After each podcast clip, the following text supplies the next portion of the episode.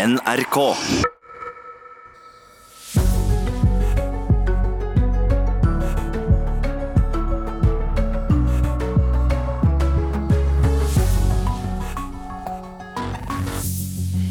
Et bilde av en forlatt barnevogn i Tromsø i den hvite snøen er på mange forsider i dag.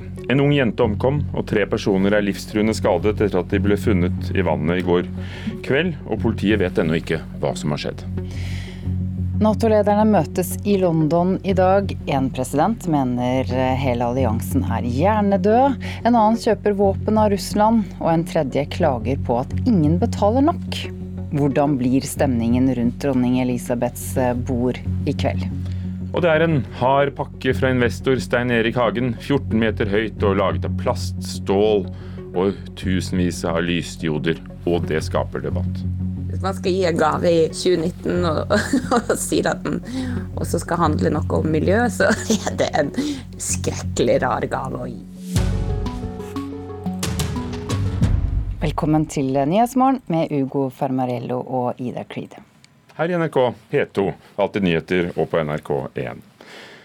De to jentene som i går kveld ble hentet opp av sjøen i Tromsø med livstruende skader, er på vei til Rikshospitalet i Oslo. En jente i barneskolealder er også bekreftet omkommet, mens en kvinne i 20-årene er kritisk og livstruende skadet. Alle de fire er utenlandske statsborgere de pårørende er blitt varslet. I går ettermiddag fikk politiet melding fra folk i området om at noe hadde skjedd, og rykket ut til Fagereng i Tromsø, forteller politistasjonssjef Anita Hermansen. Når politiet kommer til stedet og får seg litt rundt, så viser det seg at det er fire personer i vannet som politiet da bidrar i å ta opp fra vannet. Eh, iverksetter livreddende førstehjelp, og ambulansen da tar over. og får de frakta til UNN. De er jo da kritisk skadd. Eh, og har jo da vært på UNN under behandling. Og nå har vi jo fått bekrefta at eh, den eldste av barna er, eh, er bekrefta død. Kan du si noe mer nå om hvorvidt det var en ulykke eller kriminell handling? Det kan vi ikke si noe om enda. Vi eh, er jo veldig tidlig i etterforskningsfasen fortsatt, selv om det har gått noen timer. Så vi jobber jo ut ifra det vi kaller flere hypoteser eller teorier om hva som kan ha skjedd. Og jobber jo med å innhente da informasjon som bekrefter eller avkrefter det. Går det an å si noe om når identiteten vil være klar? Altså, Vi jobber ut fra en teori om uh, hvem uh, disse personene er. Så vi har, eh, Det er vanskelig å si akkurat nå, når, men politiet har jo regler for når vi kan si 100 sikkert i forhold til når noe er klart. Og det er vanskelig å si akkurat nå når vi er der. Og Politiet i Tromsø skal holde pressekonferanse om denne saken i formiddag klokken ti. Intervjuer her var Vilde Kristine Malmo. Ja, Tromsø kommune satt i går kveld krisestab etter meldingen om at de fire personene ble funnet livløse i sjøen. Staben ledes av ordfører Gunnar Wilhelmsen. Nei, det er jo for å være beredt på eh, det som eh, måtte være nødvendig når eh, både skoler og barnehager åpner. Hva eh, syns du om det du hittil har hørt? Nei, Det er jo veldig trist. Det er jo veldig trist. Nå har vi fått noen, en del informasjon fra politiet, og så håndterer politiet det videre foreløpig. Hva er det et sånt kriseteam kan hjelpe med? Nei, Det er jo å være i beredskap og vente på informasjon både fra universitetssykehuset og politiet.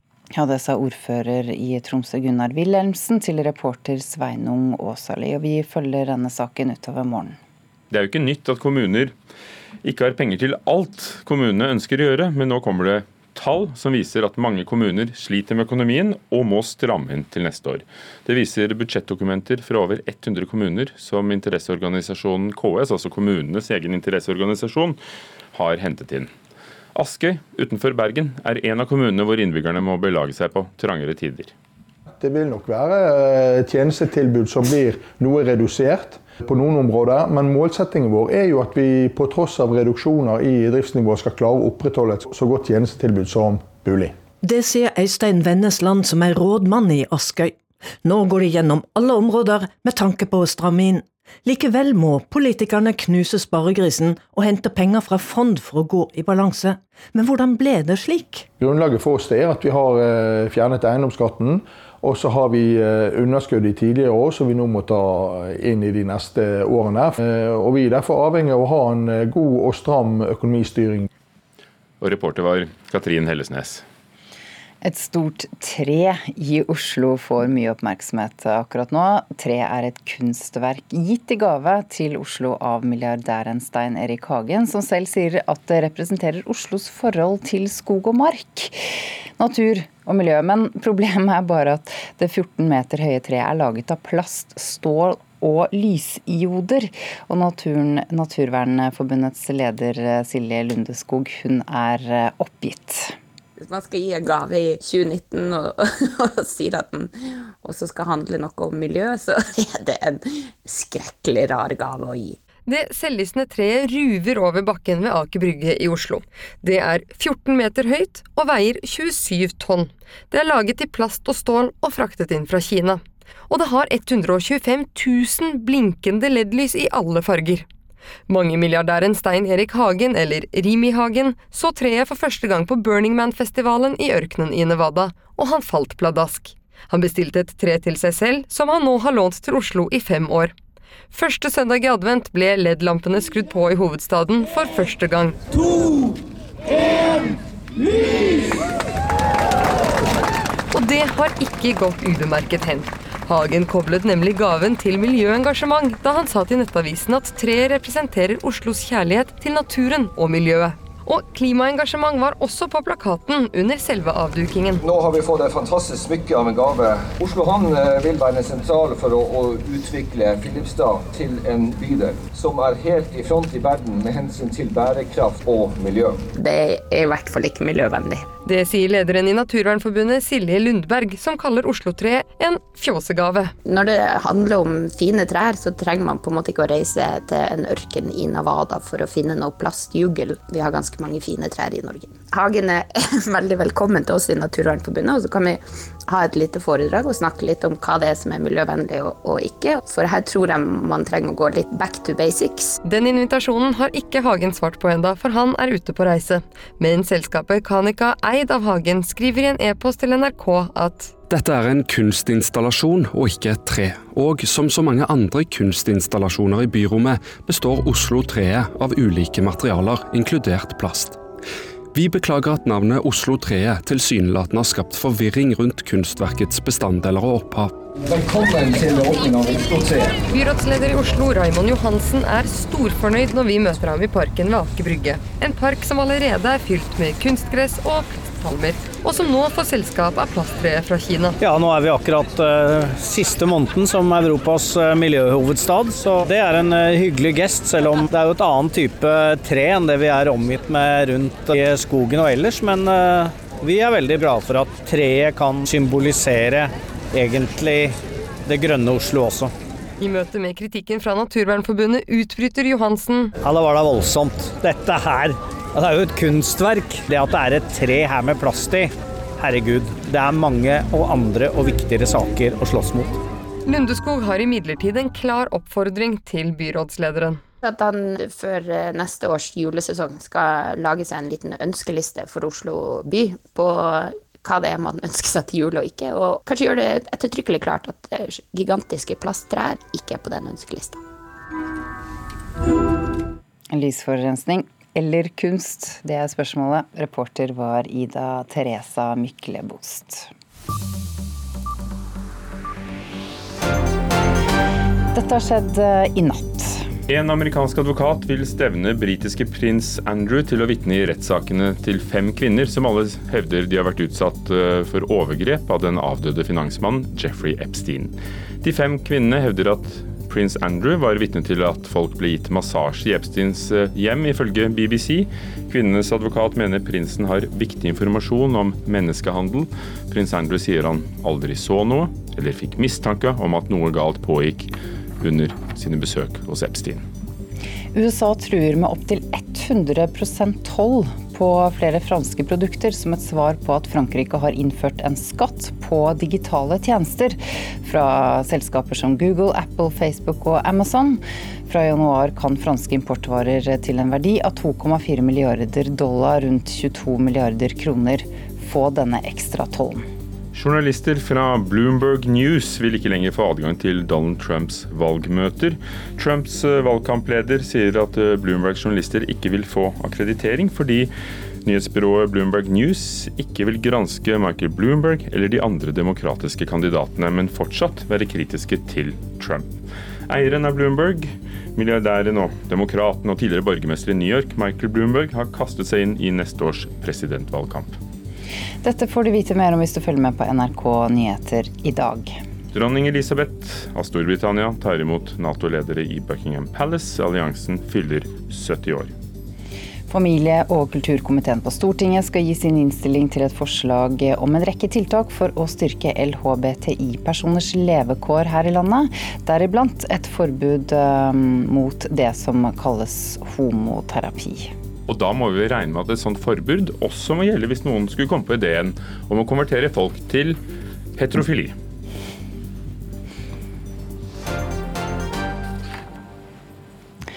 Barn helt ned i niårsalderen har blitt lurt til å ta seksuelle bilder av seg selv og dele dem digitalt, ifølge Statens barnehus i Stavanger. Ved Sør-Vest politidistrikt har folk og, og, og, betjentene der de siste ti månedene beslaglagt nesten én million bilder og videoer som viser overgrep av barn. Nå er vi på vei inn til der Speiderweb sitter og jobber til daglig.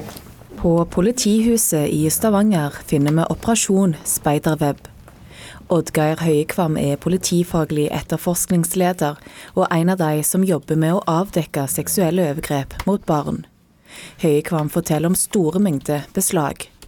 Det kan være enorme mengder eh, logglinjer i form av chat som vi må gjennomgå. Det kan være enorme mengder eh, databeslag som vi må kategorisere.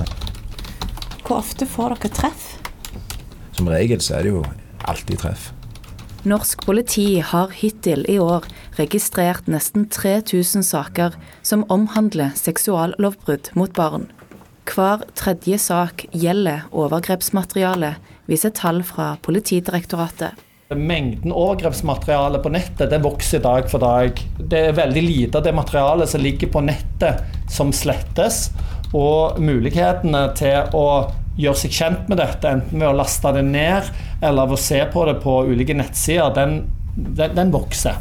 Det sier Fredrik Martin Soma, som er politiadvokat ved Sør-Vest politidistrikt. I løpet av årets første ti måneder har politiet her beslaglagt nesten én million bilder og videoer som viser overgrep mot barn og ungdom. Der eh, ser vi jo en, en, kraftig økning i antall saker, og, og, bakgrunnen for det er nok at uh, tilgangen til uh, digitale enheter og digitale arenaer øker for barn. Når det gjelder nettovergrep, så ser vi jo helt klart en endring. Altså Tidligere så hadde vi ikke denne type saken i den målestokken vi har per i dag. Sissel Økland er seniorrådgiver ved Statens barnehus i Stavanger. Den siste tida har barn så unge som ni år kommet hit for å forklare seg om seksualiserte bilder av seg sjøl på nett. Hvordan opplever de å måtte fortelle om bilder de har delt? Det vi vet, er jo at de syns det er fryktelig skamfullt, det er pinlig og det er vanskelig å snakke om. Mm, og veldig mange av de er jo opptatt av får foreldrene mine vite om dette. Økland oppfordrer nå voksne til å lære barn i ung alder om faren ved internettbruk. En må starte mye tidligere. At skole må ha en mye større bevissthet om når de starter med opplæring i forhold til nettbruk. Mm. Den må starte med en gang de begynner på skolen med risiko og konsekvenser. Reporter her var Marte Skodje.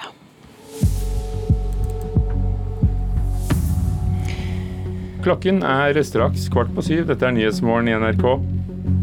Alle lurer på hva som har skjedd med familien på fire i Tromsø som ble funnet i det kalde vannet i går. Tromsø kommune har satt krisestab etter meldingen om at en kvinne og tre barn ble funnet livløse i sjøen i bydelen Fagereng. Ett av barna har omkommet. Stramme kommunebudsjetter kan gi kutt i tjenester til neste år. Mange ungdommer føler at de står utenfor i russetiden. I Buskerud får mobbeombudet mange henvendelser fra Nettopp unge som ikke får være med de andre i det som skal være starten på en feiring.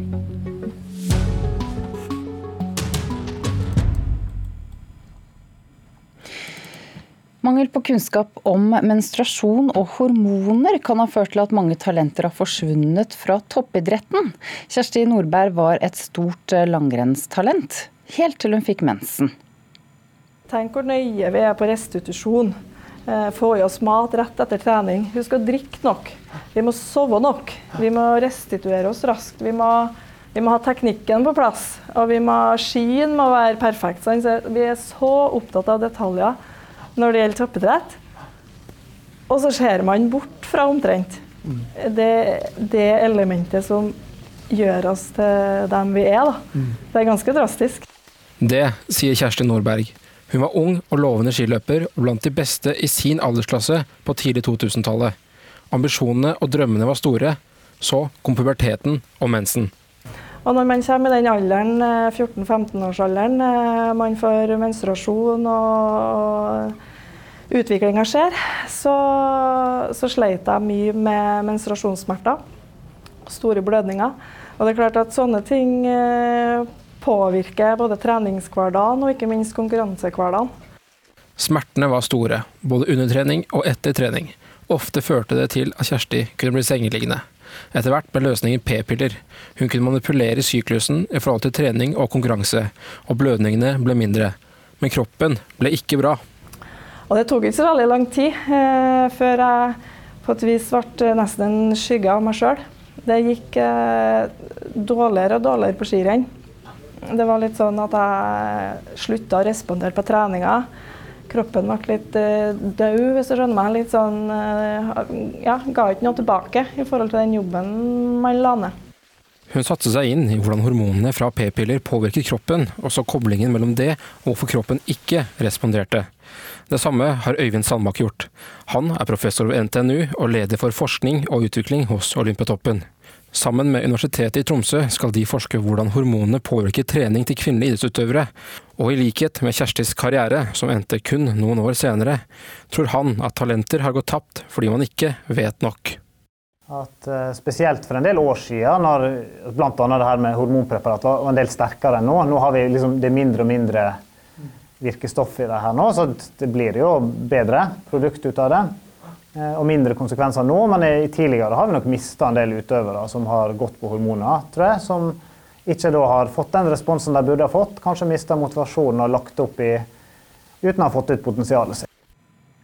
Ja, Kjerstis historie kan du lese mer om på nrk.no.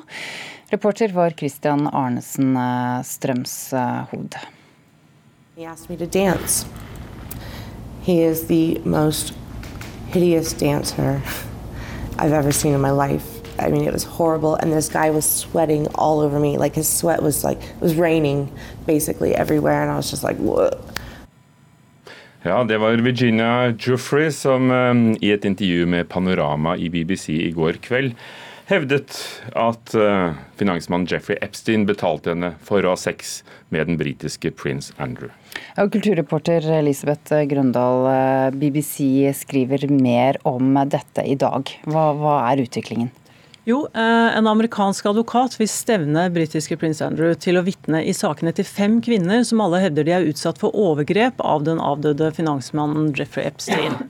De fem kvinnene sier at prins Andrew var vitne til hvordan folk ble gitt massasjer i Jeffrey Epsteins hjem, og advokaten hevder nå at prinsen kan ha viktig informasjon om sexhandel. Prinsen på sin side har sagt at han ikke var vitne til eller mistenkte noen mistenkelig oppførsel under besøket i Epsteins hjem. Advokaten for disse ofrene for Epstein, eh, David Boyce, sier til BBC at en av tingene de har prøvd, er å intervjue prins Andrew fordi han besøkte eh, Epstein hyppig. Så hva innebærer det at eh, prins Andrew da er stevnet? Eh, stevningen for å avgi vitneforklaring er gjort klar for alle disse fem sakene, og ifølge BBC betyr det at hvis prins Andrew besøker USA, så må stevningen undertegnes av en dommer. Så kan prinsen ha mulighet til å bestride stevningen juridisk i retten hvis han ikke ønsker å avgi bevis. Eh, BBCs kongereporter, eller Royal Correspondent som eh, tittelen er i BBC, sier at nyheten om stevningen er dårlig for prinsen på flere fronter. Prinsen hevder jo at han ikke har sett mistenkelig oppførsel i boligene til Jeffrey Epstein, mens disse vitnene sier det motsatte. Og Reporteren til BBC mener at stevningene gjør ethvert besøk i USA fra prinsens side usannsynlig. Stevningene kan bestrides rettslig, men det ville innebære å bli involvert i det amerikanske rettssystemet, og det kan jo være en risiko for prinsen. Hva med kronprinsesse Mette-Marit? Hun gikk jo ut med en beklagelse i Dagens Næringsliv i går etter å ha møtt Jeffrey Epstein eh, som da var dømt for overgrep eh, i 2008. Har utenlandsk presse vist noen interesse for eh, dette? Ja, kronprinsesse Mette-Marit ble omtalt i britiske Daily Mail, tyske Der Spiegel og i Fox News bl.a. Innholdet er stort sett det som Dagens Næringsliv skrev i går, at hun møtte Epstein flere ganger etter at han var dømt, og at hun beklager at hun gjorde dette. Daily Mail er kanskje den avisen som gjør mest ut av dette, med en lang artikkel med fem store bilder av kronprinsesse Mette-Marit og familien i forskjellige situasjoner. Takk, kulturreporter Elisabeth Grøndal.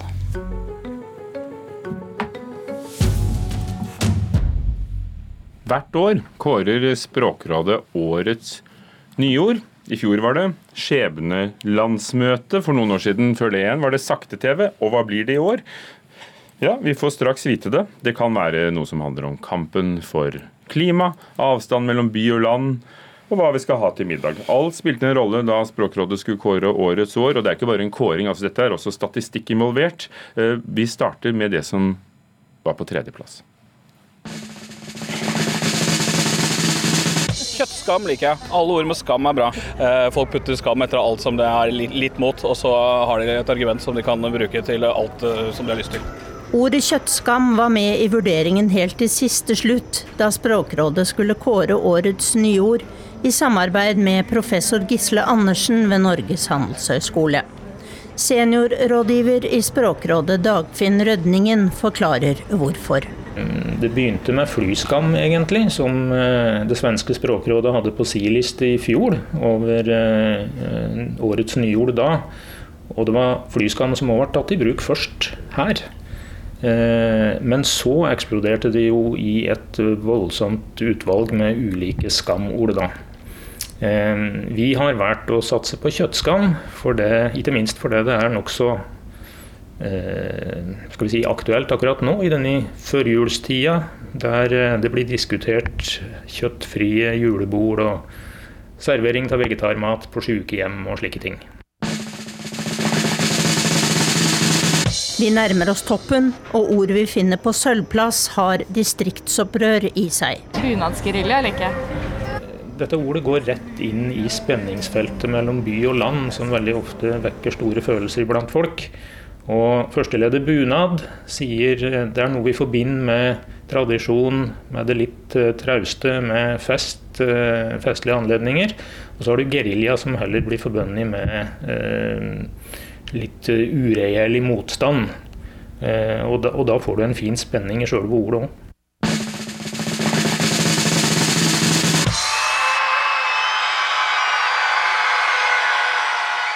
Dette brølet for klimaet runget fra mange byer og tettsteder i høst, og danner til sammen ordet klimabrøl.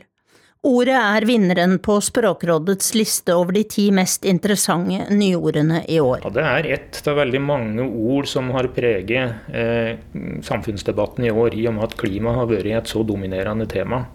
Eh, det er et godt ord på den måten at eh, det sier noe om styrken og engasjementet i, eh, i, klimadebatten som har vært ført, og spesielt blant ungdom. Folk på gata synes vinneren er en fulltreffer av et ord. Unge klimaengasjerte folk som står og brøler utenfor tinget, det liker jeg. Klimabrøl vil jeg ha, da.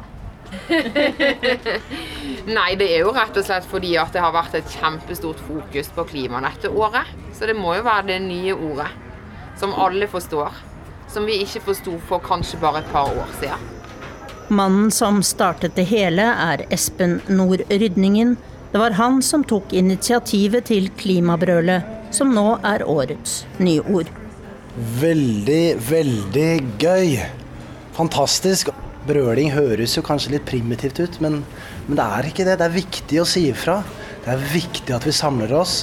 Går litt ut av den tralten vi befinner oss i, som ikke tar oss dit vi, dit vi må. Altså ta vare på jorda slik vi kjenner den, unngå katastrofale klimaendringer. Det var um, han som kom på klimabrøl, som ble årets uh, nyord. Reporter var Tone Staude. Mobbeombud eh, over hele landet får henvendelser hver uke fra ungdom som føler seg utestengt fra planleggingen av russetiden. Mobbeombudet i Buskerud forteller om fortvilte elever som sier de ikke får være med. Og russeforberedelsene de starter tidligere og tidligere. Bussen vår ble laget i andre uka i første klasse, tror jeg. Ja. Så er det ikke bare liksom mai måned, da vi har jo holdt på med det her siden første klasse. Ja. Bare russetida, det er tre år. Og det er veldig gøy i russetida da, å rulle.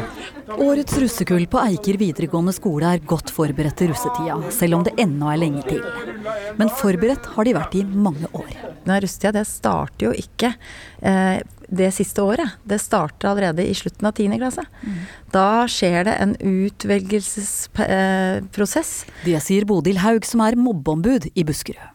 Jeg får massivt med henvendelser fra russ som opplever å falle utenfor det sosiale miljøet på skolen sin. En mamma som fortalte om det at eh, hennes sønn hadde vært eh, på to innstemningsmiddager eh, uten å få lov til å være med. Og han vurderte faktisk å bytte skole, sånn at han skulle få være med på en buss. Og når sånne kulturer brer seg, da blir det vanskelig å være ungdom, og det må vi gjøre noe med. Hei, er dere våkne? Rektor på Eiker videregående skole møter russen som sitter litt henslengt i gangen og venter på ny time. Han jobber aktivt for å motarbeide utenforskapet på sin skole. Han ser at elever som begynner i første klasse, allerede er ferdig gruppert og ferdig ekskludert. Jeg ser jo det at Når vi får nye elever her, begynner første klasse på VG1, så ser vi ofte ganske fort at eh, de har en plan om å ha en russebuss. De er gruppert i en gruppe. De som ikke er med der, de blir ikke med i gjengen. Vi opplever det tydeligere nå enn før. Jeg ser det på den måten at noen blir gående alene. Og hvordan opplever de det? Det er jo Det er jo aldri gøy å ikke være med. Ja, du føler deg mer innafor når du har en gruppe, en bestemt gruppe som du liksom er en del av. da. Men er det lett å føle seg utafor når man er ruset også? Ja. ja, det tror jeg. Det vil jeg tro. Ja. Det vil jeg tro. Mm. Og så ser man jo også litt det samholdet som du kanskje ikke føler at du får vært en del av.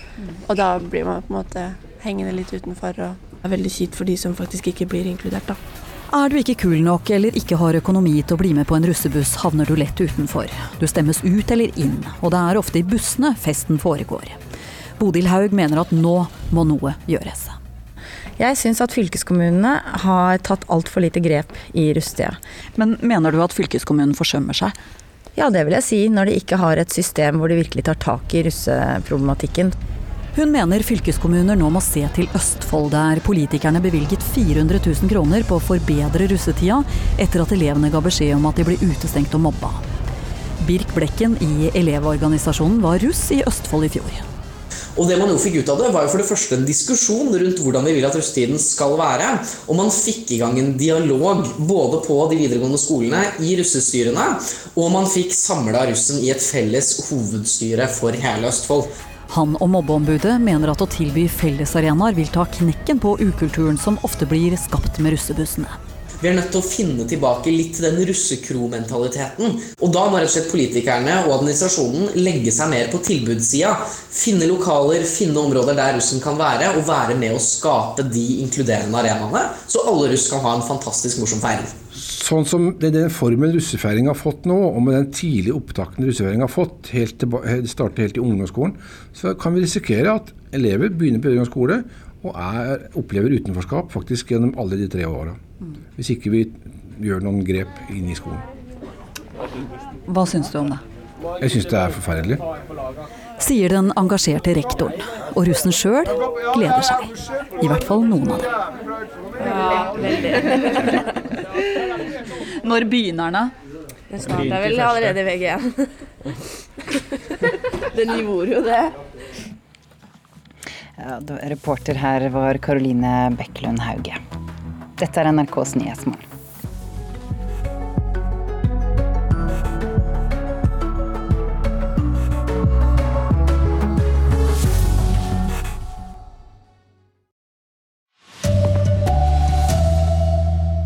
er NRK Dagsnytt, klokka er sju. Ei jente i barneskolealder er død, og tre personer er kritisk og livstruende skadd etter at de ble funnet livløse i havet utenfor Tromsø i går kveld. To jenter har kommet med luftambulanse til Oslo i natt, mens en kvinne i 20-åra ligger på sykehus i Tromsø. De fire er utenlandske statsborgere, og det er usikkert hvordan de havnet i det kalde vannet.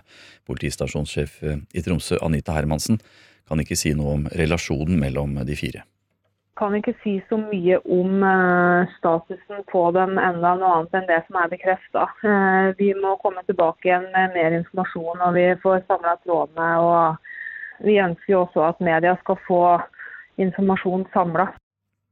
Tromsø kommune satte i går kveld krisestab etter meldingen om at det var funnet fire personer eh, i sjøen. Staben ledes av ordfører Gunnar Wilhelmsen.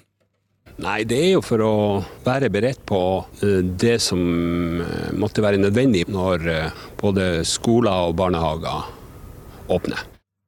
Ja, politiet i Tromsø skal holde en pressekonferanse om saken klokka ti i dag. Nestleder i Fremskrittspartiet, Terje Søviknes, vil kaste styret i bomselskapet Ferde. Bakgrunnen er NRKs avsløringer om at toppsjefen i Ferde har jobbet med et eget prosjekt i Kongo. Søviknes vil foreslå vrakingen av styret på dagens fylkesutvalgsmøte i Vestland fylkeskommune, med mål om å få på plass et nytt styre rett over nyttår. En amerikansk advokat vil stevne britiske prins Andrew til å vitne i sakene til fem kvinner som alle hevder de er utsatt for overgrep av den eh, avdøde finansmannen Jeffrey Epstein. Kvinnenes eh, advokat hevder overfor BBC at prinsen kan ha viktig informasjon om menneskehandel. Prins eh, Andrew sier han aldri så noe suspekt under sine besøk hos Epstein. Naturvernforbundet er oppgitt over at Oslo har fått et stort plasttre på 27 tonn fraktet inn fra Kina. Treet er en eh, kunstinstallasjon og gave fra mangemilliardæren Stein Erik Hagen. Han sier treet representerer Oslos forhold til skog, natur og miljø. Det er ikke Naturvernforbundets leder Silje Lundberg enig i. Hvis man skal gi en gave i 2019 og, og, sier at den skal handle noe om miljø, så er det en skrekkelig rar gave å gi. Når det handler om fine trær, så trenger man på en måte ikke å reise til en ørken i Navada for å finne noe plastjugel. Vi har ganske mange fine trær i Norge. Stein eh, Erik Hagens selskap skriver i en e-post til eh, NRK at dette er en kunstinstallasjon og ikke et tre. Så som så mange andre kunstinstallasjoner i byrommet, så består Oslo-treet av ulike materialer, inkludert plast. NRK Dagsnytt, Anders Borgen Werring.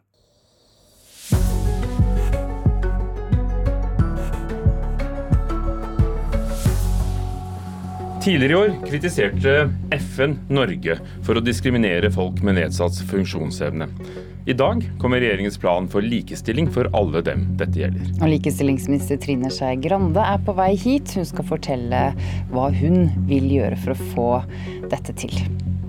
Kommunene sier selv at mange av dem sliter med økonomien og må kutte tilbud neste år. Ifølge Høyre har det historisk sett aldri vært færre kommuner som kommer dårlig ut. USA vil at Europa skal bidra mer. Tyrkia har invadert Syria og kjøper rakettsystemer fra Russland. Og Frankrikes president mener hele Nato-alliansen er hjernedød. Det er viktig å møtes når man har ulike meninger, sier sjefen selv Jens Stoltenberg. Men hva kan komme ut av dette møtet? Vi spør forsker og utenrikskommentator Asle Tøye. Velkommen til Nyhetsmorgen i NRK P2 og på NRK1.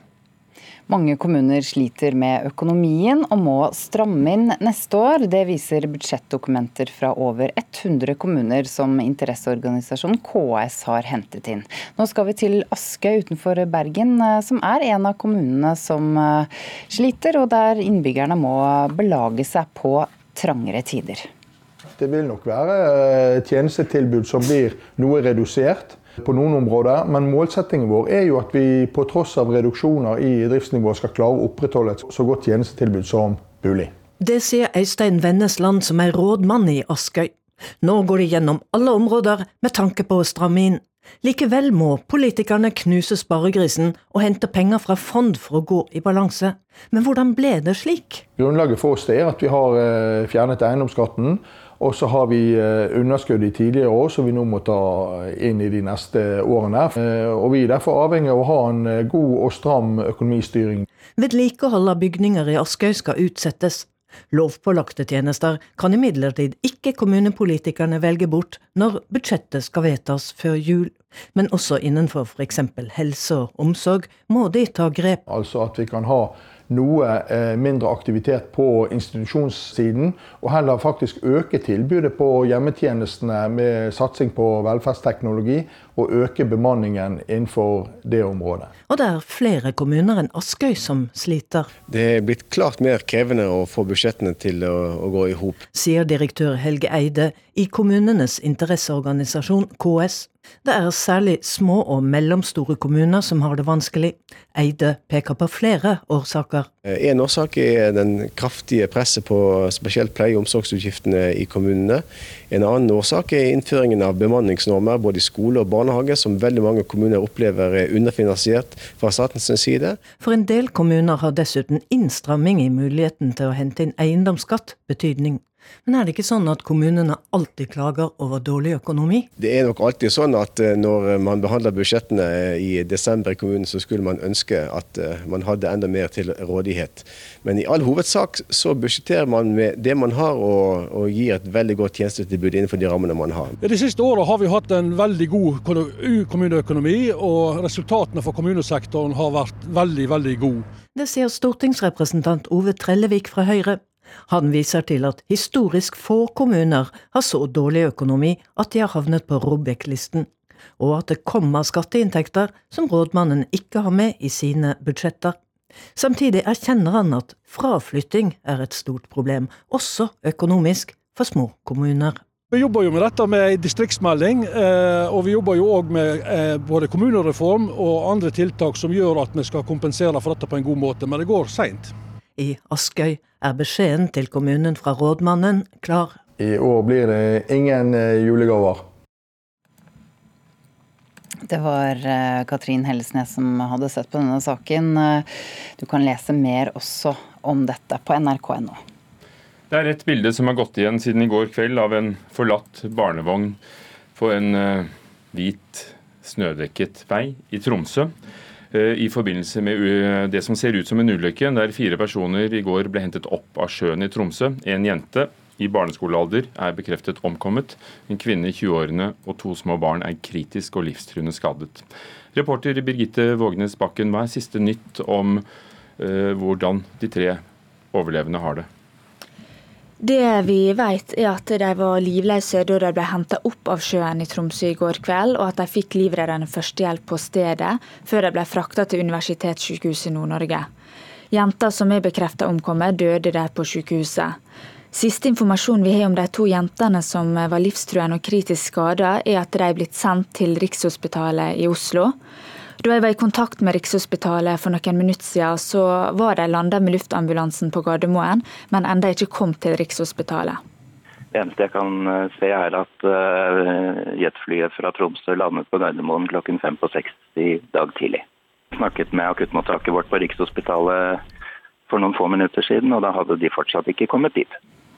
Det sa pressevakt ved Rikshospitalet Anders Beyer. Og neste oppdatering om hvordan det står til med denne kvinna i 20-åra som også ble henta opp av sjøen, har vi fått beskjed om vil komme i løpet av morgenen. Men hva er klart så langt om hva som har skjedd? Politiet rykka ut til Fagereng i Tromsø etter at de ble varsla i går klokka 17.28. Og på stedet der ble det, som du nevnte, funnet ei barnevogn og støvler. Eh, og Politipatruljen på stedet tok da opp fire personer av vannet, forteller Anita Hermansen i politiet. Når politiet kommer til stedet og får sett litt rundt, så viser det seg at det er fire personer i vannet som politiet da bidrar i å ta opp fra vannet. Eh, iverksetter livreddende førstehjelp, og ambulansen da tar over og får de frakta til UNN. De er jo da kritisk skadd. Eh, og har jo da vært på under behandling. Og nå har vi jo fått bekrefta at eh, den eldste av barna er, eh, er bekrefta død. Politiet sier at de jobber ut fra ulike hypoteser, og kan ikke si noe om det er snakk om en straffbar handling eller en ulykke. Alle disse fire personene er utenlandske statsborgere, og pårørende er varsla. De tre barna er jenter under ti år, forteller politiet, og den omkomne jenta var eldst av barna. Og så har altså Tromsø kommune satt krisestab. Hva, hva innebærer det? Ja, vi kan høre Gunnar Wilhelmsen, som er ordfører i Tromsø, fortelle hva de har satt av krisestab, og hva det innebærer. Nei, det er jo for å være beredt på eh, det som eh, måtte være nødvendig når eh, både skoler og barnehager åpner. Hva syns du om det du hittil har hørt? Nei, Det er jo veldig trist. Det er jo veldig trist. Nå har vi fått noen, en del informasjon fra politiet, og så håndterer politiet det videre foreløpig. Hva er det et sånt kriseteam kan hjelpe med? Nei, Det er jo å være i beredskap og vente på informasjon både fra universitetssykehuset og politiet. Det var ordfører Gunnar Wilhelmsen i Tromsø. Han ble intervjuet av Sveinung Åseli. og, og, og, takk til Birgitte Vågnes Bakken, som satte oss inn i, i saken. FrPs nestleder Terje Søviknes vil kaste styret i bomselskapet Ferde etter NRKs avsløringer eh, om at toppsjefen samtidig har jobbet med et eget prosjekt i Kongo. Han vil, eh, altså Terje Søviknes vil foreslå vrakingen av styret på dagens fylkesutvalgsmøte i Vestland eh, fylkeskommune, og har altså som mål å få på plass et nytt styre rett etter nyttår. Fylkesutvalget i Vestland har møte i dag tirsdag, og der vil Fremskrittspartiet fremme et forslag om at eh, vi setter opp valg av styre i Ferde AS på en tillyst ekstraordinær generalforsamling i selskapet, som skal være like over nyttår. Nestleder i Frp Terje Søviknes mener han har sett nok. Dette handler om eh, tilliten til at bilistene sine bompenger går til det formålet de er tiltenkt. og i en eh, situasjon der tilliten til Ferde er satt på spill, så er det styret i Ferde AS vi eh, eiere kjenner, og da må vi ta affære i forhold til det. Men han bestemmer jo ikke alene. Arbeiderpartiet har allerede sagt at de vil avvente granskning mens lederen i Vestland Høyre, Tom Georg Indrevik, sa mandag til NRK at styret burde trekke seg. Nei, Det vil jo være opp til nå uh, fylkesutvalget i Vestland uh, i dag å ta stilling til Fremskrittspartiets forslag. Og så er det jo slik at uh, det er tre framtidige fylkeskommuner som her er eiere i Ferde AS, og en må jo ha en enighet disse tre fylkeskommunene imellom om å eventuelt skifte ut styret hvis det skal bli aktuelt like over nyttår. Er du trygg på å få nok folk med deg? Ja, jeg håper det. Jeg tenker at vi som eh, lokalpolitikere har et eh, stort ansvar for å sikre at eh, befolkningen der ute, i dette tilfellet bilistene som betaler inn bompenger, kan ha tillit til at pengene deres går til det formålet det skal. Og da må vi faktisk nå ta affære fra lokalpolitisk hold. Det sa til slutt Frp-nestleder Terje Søviknes. Og reporter var Trond Lydersen. Funksjonshemmede i Norge har lavere status enn andre. Det slo FN fast i april.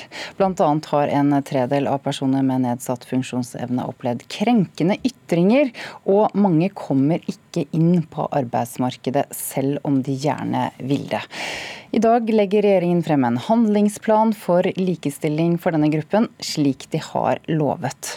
Likestillingsminister Trine Skei Grande, velkommen til Nyhetsmorgen. Tusen takk. Så mange som åtte åtte departementer er involvert i denne handlingsplanen. Hvorfor det? Fordi at vi ønsker en handlingsplan som handler om eh, hele livet til alle med ulike funksjonsnedsettelser, sånn som eh, skole, arbeid, eh, helsetilbudet de får, fritidsaktivitetene. Ja, Vi prøver å lage en plan som skal angå absolutt hele livet. Mm. Vi nevnte noe innledningsvis her, men hva slags problemer er det folk med nedsatt funksjonsevne møter i livet sitt og i hverdagen sin her i Norge? Ja, Vi vet bl.a. at 25 eh, flere enn det vi får til, ønsker ut i arbeidslivet. Og får ikke den muligheten. Har arbeidskapasitet og kan være med å bidra i samfunnet, men, men får ikke den muligheten. Vi opplever eh, den, det som du dro fram som jeg syns er veldig alvorlig, at så mye som én av tre opplever hets og trakassering fordi de har en funksjonsnedsettelse. Jeg tror det er mange av oss som, som ikke helt trodde de tallene uh, uh, før vi, vi, fikk dem presentert. Vi er snakka f.eks. med en CP-ramma Amir som har stått fram og fortalt om, uh, om, å bli spytta på på gata fordi at han har CP, eller det som mamma fortalte om å ha med seg en funksjonshemma barn i skiløypa. Så det, det, er mye å gjøre, og det er mange som må legge seg i selene hvis vi skal snu både holdningene i samfunnet, men eh, også legge til rette for gode tilbud, så folk kan leve gode liv. Da FN eh, kom med denne kritikken eh, mot Norge for måten vi behandler funksjonshemmede på her i landet, eh, FN pekte på at det forskjellsbehandles og brukes tvang også. Hva tenkte du da vi fikk denne kritikken? Nei, Vi tok det veldig på alvor. og Derfor er også Justisdepartementet en del av dette, som skjer både på vergemålslovgivning og, og, de andre delene av lovgivninga som angår helsetilbudet her. Men, og Det er derfor en av de store satsingene satsingene vi har neste år, er en, en opplæring i menneskerettigheter og hva, hva, de internasjonale konvensjonene betyr for rettighetene for hver enkelt person ut i kommunene. Så, og vi har sett tidligere, f.eks. så har vi sett innenfor psykiatrien at opplæring i menneskerettigheter og, og hos personell fører til mindre bruk av tvang. Eh, og jeg vil jo at her skal vi ha kommuner som skjønner eh, levekårene folk lever, skjønner hvilke rettigheter vi må, vi må vi må løfte fram her. For jeg mener jo at likestillingspolitikk også er på dette feltet hardcore menneskerettighetspolitikk. Ja, mye av dette handler altså om holdninger til personer med funksjonsnedsettelser. Det er jo ikke lett å gjøre noe med det med en handlingsplan, er det det?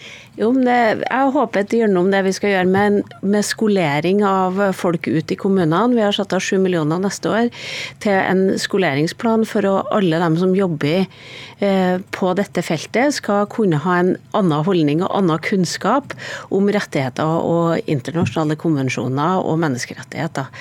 Eh, og jeg tror at over tid så klarer vi også å øke bevisstheten på det. Og så er det sånn for alle oss som blir litt sjokka når vi hører hvor mange med funksjonsnedsettelser som har opplevd eh, trakassering, så er det kanskje, kanskje er det noen små korn i den måten vi jobber med dette feltet, som er med på å legge grunnlag for det. Hvis vi ser på arbeidsmarkedet, hva konkret kan gjøres her for at flere i denne gruppen skal komme seg ut i jobb?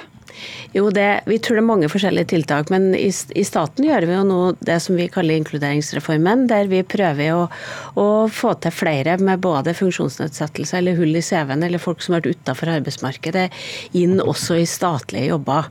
Eh, nå i departementet mitt så nå er vi 9 nå i, nå i år på folk med den type bakgrunn som, som da kommer inn og, og, får jobb i vårt eh, departement. Betyr det at du er fornøyd? Nei, det er det jo ikke. fordi det er veldig mange som fortsatt står utafor og som har arbeidskapasitet. Og nå er vi i en fase i norsk økonomi der vi kan åpne opp mer og sørge for at flere får en plass i arbeidsmarkedet. Nemlig. Hvor langt unna full likestilling er vi for folk med funksjonsnedsettelser i Norge? Jeg tror vi er veldig langt unna. Vi kan være gode på å lage omsorgstilbud, men på rettigheter og respekten for hvert enkelt individ sine valg, og der har vi fortsatt mye å gå på i Norge. Takk likestillingsminister Trine Skei Grande, og lykke til med dette arbeidet. I dag er det forresten den internasjonale FN-dagen for, for mennesker med funksjonsnedsettelser.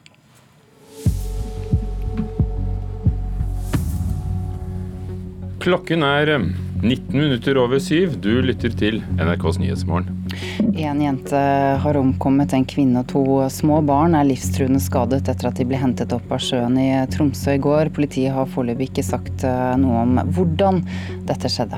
Jens Stoltenberg bærer sprikende staur til Nato-toppmøtet i London i dag. Men er han rette mann til å megle mellom to så forskjellige menn som Emmanuel Macron og Donald Trump? Nestleder i Fremskrittspartiet Terje Søviknes vil kaste styret i bomselskapet Ferde. Bakgrunnen er NRKs avsløringer om at toppsjefen i Ferde på siden jobbet eh, med et prosjekt i eh, Kongo. Programleder for Politisk kvarter i dag, Bjørn Myklebust. Eh, la olja ligge. Det har vi hørt miljøbevegelsen si mange ganger. Og også SV, MDG og Venstre. Men eh, nå sier Høyre det også, eller? Ja. Unge Høyre sier noe av dette. De har nå bestemt seg for at noe av norsk olje og gass ikke bør utvinnes i klimaets navn. Og dette er ganske nye toner i det partiet, som jo har argumentert med at fordi verden uansett kommer til å trenge olje og gass i mange år, så er det best at det er norsk olje og gass, fordi produksjonen her gir mindre utslipp enn mange andre steder. Men det argumentet holder ikke lenger, mener Unge Høyre. Så var planen at de skulle møte moderpartiet Høyre, men det viste seg umulig å få til. Så det blir en tom stol i studio her klokka kvart på åtte. Men det kommer en som er uenig, fra et annet parti. Ok, da blir det debatt likevel, da? Alltid. Ja, alltid. Politisk kvarter klokken 7.45, altså. I dag skal det skje 70-årsjubileet for forsvarsalliansen Nato. Presidenter og statsministre er invitert til dronning Elisabeth på Buckingham Palace i London. Men så er det jo litt av noen spenninger innad i alliansen. USA er irritert over europeiske land som ikke bruker eh, nok, mener de, på eget forsvar. Frankrikes president eh, mente Nato er hjernedødt, manglet strategisk evne, og Tyrkia kjøper da disse våpensystemene av Russland og går i krig i Syria mot tidligere Nato-allierte. Og i dette landskapet er det generalsekretær Jens Stoltenberg skal manøvrere. Nato er den eh, sterkeste og mest livskraftige alliansen verdenshistorien har eh, sett. og vi har akkurat nå gjennomført eh, den største omstillingen, fornyingen av alliansen på flere eh, tiår.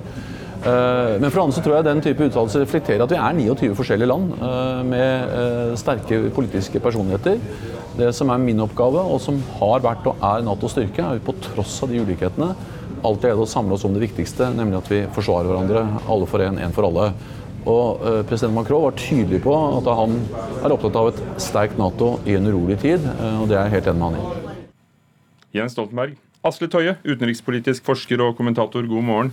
God morgen. Er Jens Stoltenberg riktig mann til å samle disse statsoverhodene? Overraskende nok eh, så tror jeg at svaret er ubetinget ja i alle leirer på dette. Stoltenberg har vært har hatt en heldig hånd eh, med sitt lederskap i Nato. Han er populær i alle hovedsteder og anses eh, også i USA for å være rett mann for denne jobben. Med dette bakteppet vi hørte om, uh, Jens Stoltenberg minner om artikkel 5, altså én for alle, alle for én, så husker vi jo at uh, Donald Trump, uh, da de møttes i Brussel i fjor, antydet at kanskje USA skulle forlate alliansen. Han spaserte ut mens Angela Merkel snakket. hvor hyggelig tror du denne jubileumsmiddagen kan bli?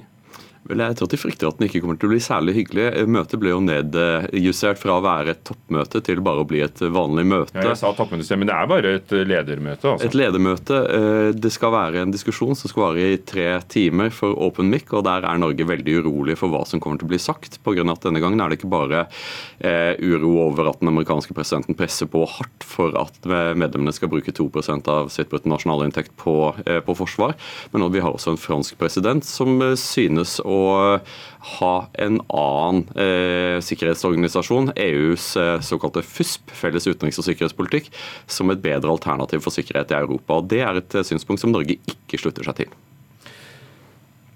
Macron ga jo dette berømte intervjuet The Economist hvor han brukte det fengende ordet 'hjernedød'. I det ligger det jo at han mente at uh, alliansen ikke hadde evne til å tenke strategisk samlet. Hvor langt uh, under må du i, i motivasjonen hans for å, å, å, komme til at uh, han tror mer på et felleseuropeisk forsvar enn Nato?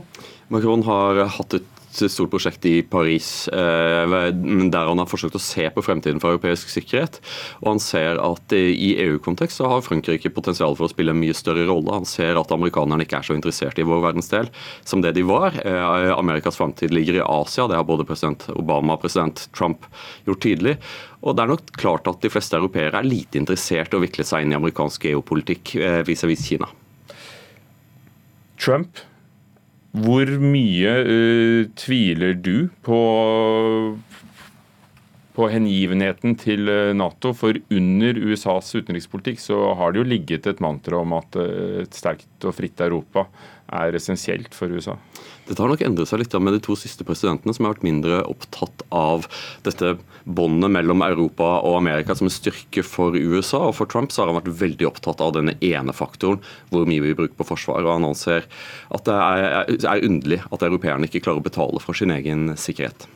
Og Hvordan stiller Norge seg i denne dragkampen? Fordi eh, Hvis det er sånn at Trump eh, står i fare for å ta et skritt tilbake. Ja, det vil nok undre enkelte at Norge heller ikke oppfyller dette kravet. og jeg tror nok at dersom alliansen svekkes og, og, avlyder, som enkelte frykter, så vil nok fremtidens historikere undre seg hvordan, Norge, som hadde så mye penger, ikke seg, tok seg råd til å betale denne veldig billige forsikringspolisen. Forsikringspolisen, skulle det være for å få det forsvaret som noen mener vi trenger, eller for å tekkes eh, USA? 2 eh, %-målet er ikke et godt mål i det hele tatt, men det er det målet som alle fokuserer på. Eh, og det er det ene tallet som nå diskuteres. og Der, der har Norge brukt mindre enn det som er ventet, og det er også pga. at vi har et veldig stort bruttonasjonal inntekt. Altså, Tøye, hva kan komme ut av London-møtet?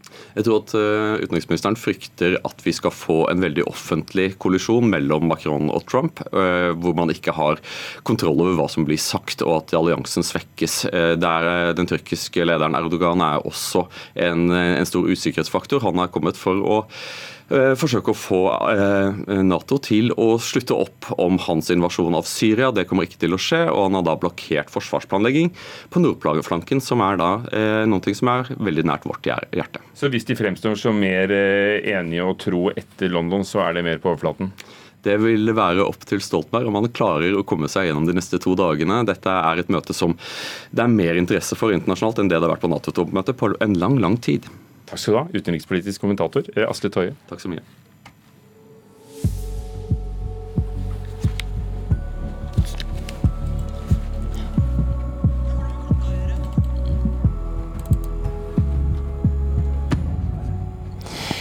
De fleste av oss tenker på julen som en hyggelig høytid med masse god mat. Men eh, for dem med spiseforstyrrelser så er dette faktisk en av de vanskeligste periodene i året. Vi har vært på besøk hos Ellen Frida Falkvar på Ulefoss. En av dem som synes eh, julen er eh, vanskelig å komme seg gjennom. Det er ribbe, og det er kalkun, og det er riskrem og alt. Pinnekjøtt og alt som er. Og sånn som for meg som er veldig glad i mat, hvorfor skal jeg ikke ha alt? Jeg kan jo bare kaste det opp igjen. Ikke sant? Ellen Frida Falkvar forteller om bulimi, en alvorlig spiseforstyrrelse 40-åringen har slitt med siden hun var 20 år gammel. Nå har det gått to år siden sist gang hun stakk fingeren i halsen for å kvitte seg med det hun akkurat hadde spist. Hun har fått profesjonell hjelp til å leve et normalt liv, men tankene de er der fortsatt. Du velger ikke bare å ha spiseforstyrrelse fordi du tenker at du er litt tjukk, du skal bare ta det i noen uker, liksom. Eh, det er jo Det går sammen med da psykiske lidelser, eh, depresjon og angst og sånne ting, da. For meg så er eh, bulimien er jo, for å si det sånn, en venn. Det nærmer seg jul. En høytid hun og mange andre med lignende utfordringer har et blandet forhold til. Fristelsene kan vekke vonde minner og en trang til å vende tilbake til det som før var dagligdags. Hvis ikke jeg spiser regelmessig, så vet jeg at jeg kan gå på en smell. Eller de tankene som jeg sier, gå på matfylla. Ellen og samboeren Eivindur Valdimarsson flyttet fra Island til Ulefoss i Nome for 15 år siden. De har en felles ballast avhengighet. Han tørrlagt alkoholiker som tidligere drakk for å stenge demonene ute. Hun spiste mat av samme årsak. Nå bruker de livserfaringen til å hjelpe hverandre med å møte jula på en langt bedre måte enn tidligere i livet. Ja, for jeg skjønner, jeg skjønner atferden. Jeg skjønner eh, veldig godt i meg sjøl åssen rusavhengigheten funker. Og eh, matavhengighet er akkurat det samme. Ifølge Folkehelseinstituttet har rundt 50 000 norske kvinner i aldersgruppen 15 til 44 år en form for spiseforstyrrelse. Ca. 18 000 av dem strever med bulimi. Spiseforstyrrelsen forekommer om lag ti ganger hyppigere hos kvinner enn hos menn. Det er veldig få som sier 'nå har du spist for mye' i selskaper. det sier Mona Larsen. Hun er frivillighetskoordinator i Spiseforstyrrelsesforeningen, og kjenner seg godt igjen i uttrykket 'matfylla'. Hun har følgende råd å komme med. Men eh, hvis noen sier 'spis litt til' og sånn, altså det der med den 'spis litt til'. Det er mye mat igjen, nå er det bare å spise. Må gjerne si det, men ikke si det direkte til folk du kanskje tror sliter. Si det litt sånn i fellesen, vi har fremdeles 25 pølser igjen på, på kjøkkenet, det er bare å spise. Ja, sist hørte du Ellen Frida Falkvar, som hadde besøk av reporter Nils Skomsvold hjemme på Ulefoss i Telemark. 30 flere pakker, det er virkeligheten hos Posten. Vi skal dit etter Dagsnytt i Nyhetsmorgen.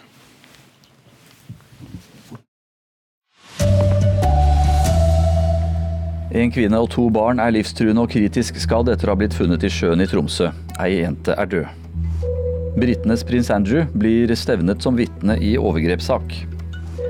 Årets nyord beskriver dette.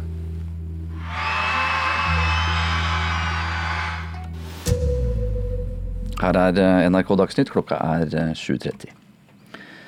Fire personer ble altså i går hentet opp fra sjøen i Tromsø.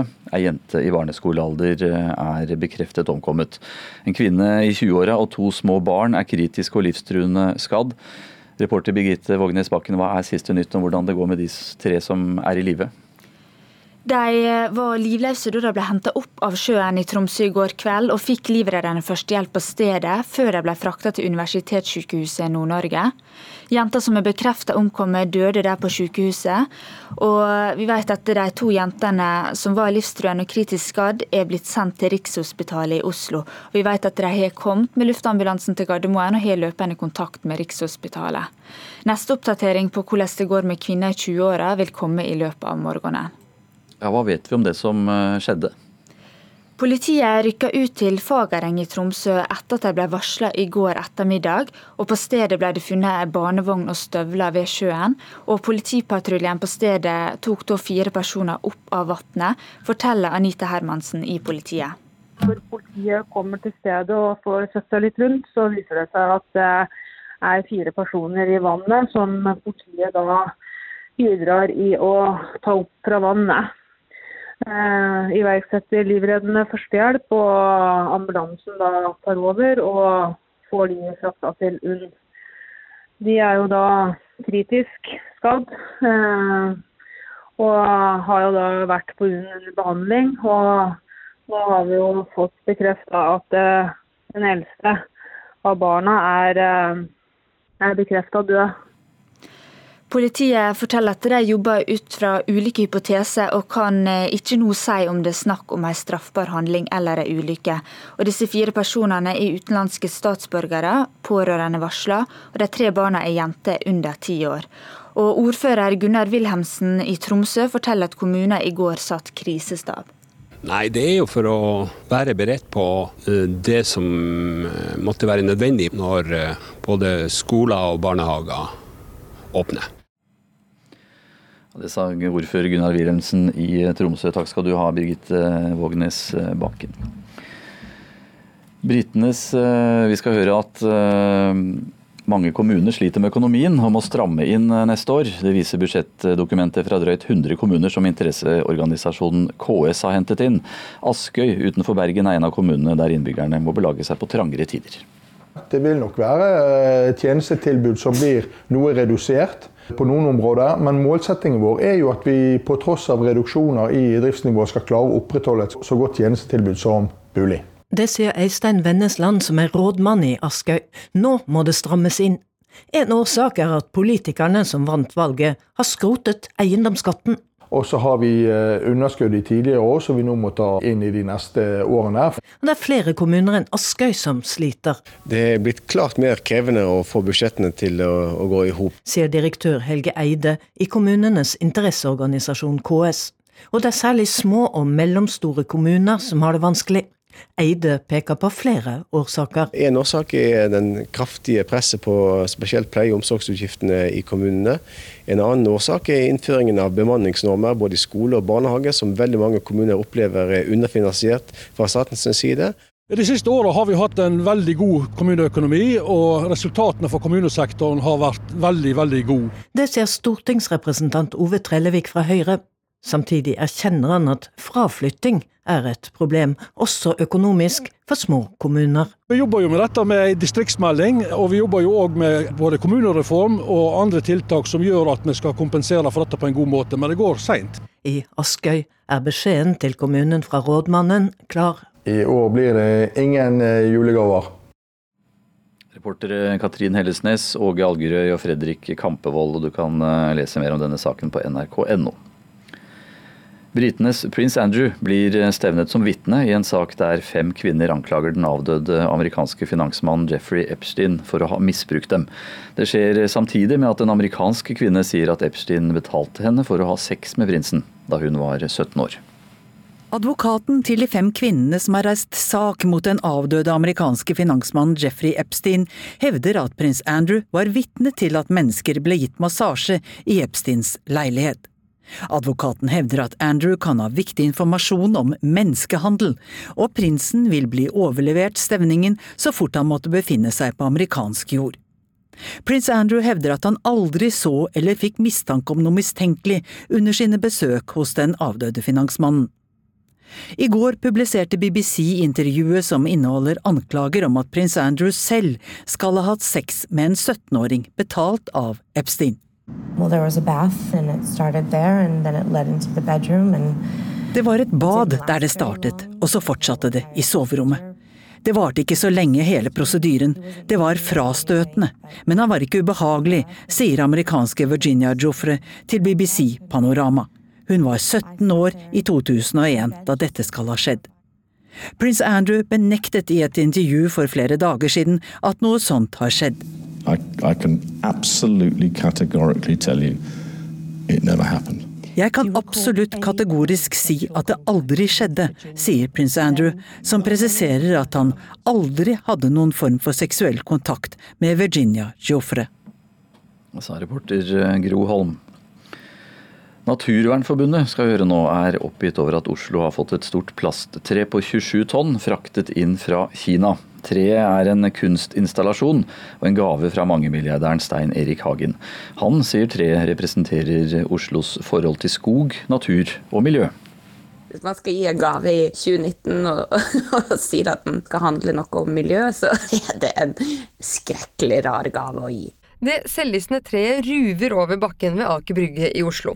Det er 14 meter høyt og veier 27 tonn. Det er laget i plast og stål og fraktet inn fra Kina. Og det har 125 000 blinkende LED-lys i alle farger.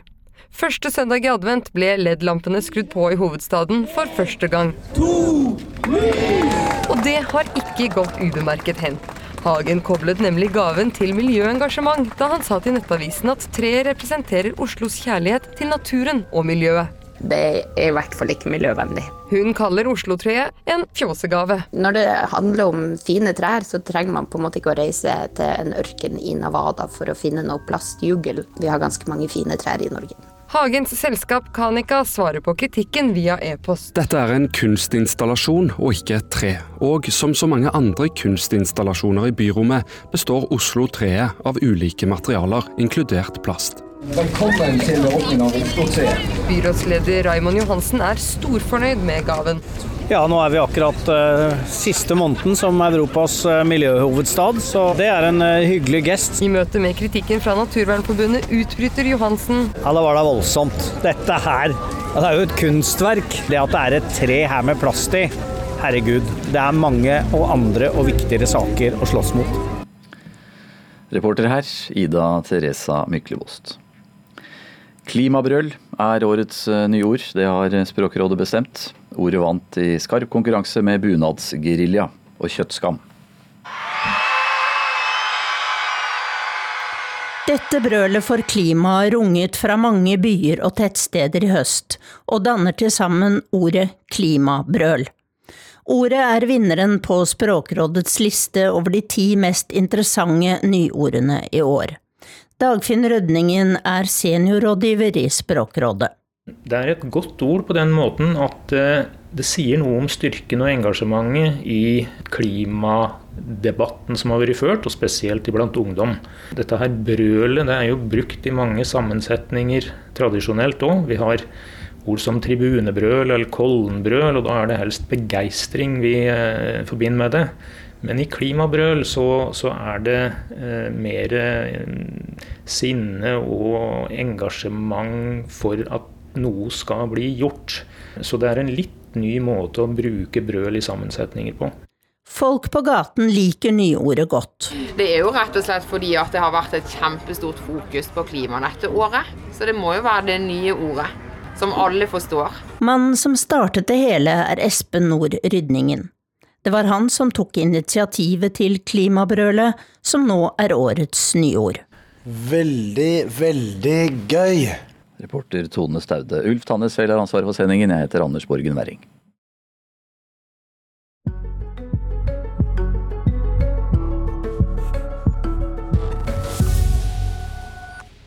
Klimabrøl, ja. Bunadsgerilja kom jo da på nummer to. Hva sier ordene om hvordan samfunnet utvikler seg? Språkdirektøren Åse Vetås kommer til eh, Kulturnytt-delen av Nyhetsmorgen kvart over åtte om en halvtime og litt vel så det. Før det er det jo også Politisk kvarter. Men her og nå om etterdønningene av tilbudsdagen og helgen. Black Friday som rammet eh, Norge for ikke mange dagene siden. Finansavisen har tall som viser at vi handlet for 1 milliard kroner på kreditt og 3,5 milliard kroner til sammen. Det er tall fra konsulentselskapet Evri som Finansavisen gjengir i dag. Og noen som merker dette, 15% av dette her var da på nettet. Og de som merker dette er jo selvfølgelig alle de som transporterer pakker. En av dem er Posten. I år regner de med å formidle 30% flere pakker enn i fjor. Og det blir jo veldig mange pakker, det, reporter Kalle Turkerød. Ja, det gjør det. Nå er jeg på Alnabru, på den enorme pakketerminalen til Posten. Jeg regner med dere kan høre at det er transportbånd som går i alle retninger her. Ganske radig unna med pakker. Skyves av og på båndene i et kjempetempo. Og John Eckhoff, man har regnet med 30% økning i, i, hvor mange pakker som skal handles av dere her i år. Du er pressesjef i Posten og har oversikt. Har det blitt 30% økning siden i fjor? Ja, de største volumene har ennå ikke kommet inn. De kommer nok i løpet av dagen eller morgendagen eh, når de kommer fra nettbutikkene. Men det er helt klart at vi opplever allerede nå større trykk enn vi opplevde i fjor. Det vet vi. Og dette klarer dere? Ja, vet du hva, vi er veldig godt forberedt. Nå er det alle mann på dekk. Og vi elsker jo julen. Vi elsker netthandel og å få disse pakkene ut. Dette logistikksenteret i Oslo er jo navet for pakker i, til, som skal ut til hele Norge. Og hvor mange pakker er det egentlig som passerer her på en dag som i dag? da? Ja, I dag eh, så regner vi med i hvert fall 200 000 pakker, og det er atskillig mer på en vanlig dag eh, her på Alnabru. Eh, men vi kommer nok opp i enda større volum enn det, både denne uken og ikke minst når julehandelen nærmer seg. Nå er det ganske tett med pakker på båndene dine. Hvor mye ledig kapasitet har du da? Nei, det er ikke Altså, nå er det Som du ser her, det er jo fullt overalt. Det er pakkebur, det er konteinere, det er pakker nær sagt overalt. Vi tar i bruk all ledig kapasitet og alle ledige mennesker som fra hovedkontoret skal jobbe her, og, og virkelig alle mann på dekk for å få det unna.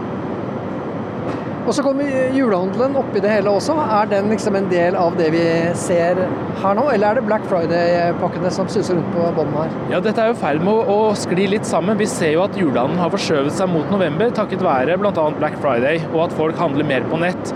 Eh, det vi ser da, er når volumene kommer inn til oss, så er det litt forsinkelse i det. Så når julehandelen og Black Friday-volumene treffer oss samtidig, sånn om et par uker, da blir det faktisk enda fullere her. Er det sånn at dere eh, har de folka dere trenger og den kapasiteten dere trenger? Må liksom dere utvide også? Det er jo et nytt terminalbygg det vi står i nå? Ja, har, her har vi fortsatt kapasitet til litt mer. Det er klart at det, Når det er topper sånn som vi nærmer oss nå, så blir det trangt om plassen. Men dette er bygget for fremtiden og, og skal ha god kapasitet også til å håndtere de fremtidige volumene. Men det er klart at sånn som netthandel utvikler seg, så, så blir det veldig fullt. Det er fremdeles folk som jobber her. Man ja. skulle tro at sånne moderne anlegg var bare roboter som suste lydløst rundt omkring. Nei, dette er fysisk. Dette er virkelig folk som står på og virkelig elsker det også. Når, når det skjer sånn som dette, hvor det er veldig mye å gjøre, så merker du at det, det er en endring i stemningen. Folk syns det er veldig gøy, og de eh, står virkelig på for å få det raskest mulig ut. Og nå flyter det veldig bra. 50% flere pakker eh, på anlegget til Alnabru her sånn på en dag som i dag, i forhold til hva de gjør på en vanlig tirsdag. altså. Og det blir enda mer, forteller Jon Akef, som er pressesjef i Posten. Og i alt dette virvaret sto du, Kalle Turkerud, vår reporter på terminalen på Alnabru i Oslo.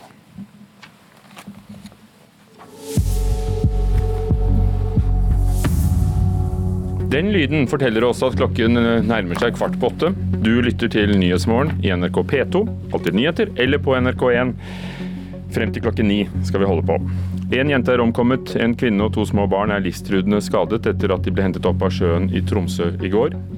Stram kommuneøkonomi kan gi kutt i tjenester, advarer kommunenes egen organisasjon KS. Høyre mener det historisk sett aldri har vært færre kommuner som sliter. Og Jens Stoltenberg får litt av en jobb, med sprikende meninger under Nato-møtet i London i dag. Men nå er det Politisk kvarter. Bjørn Myklebust.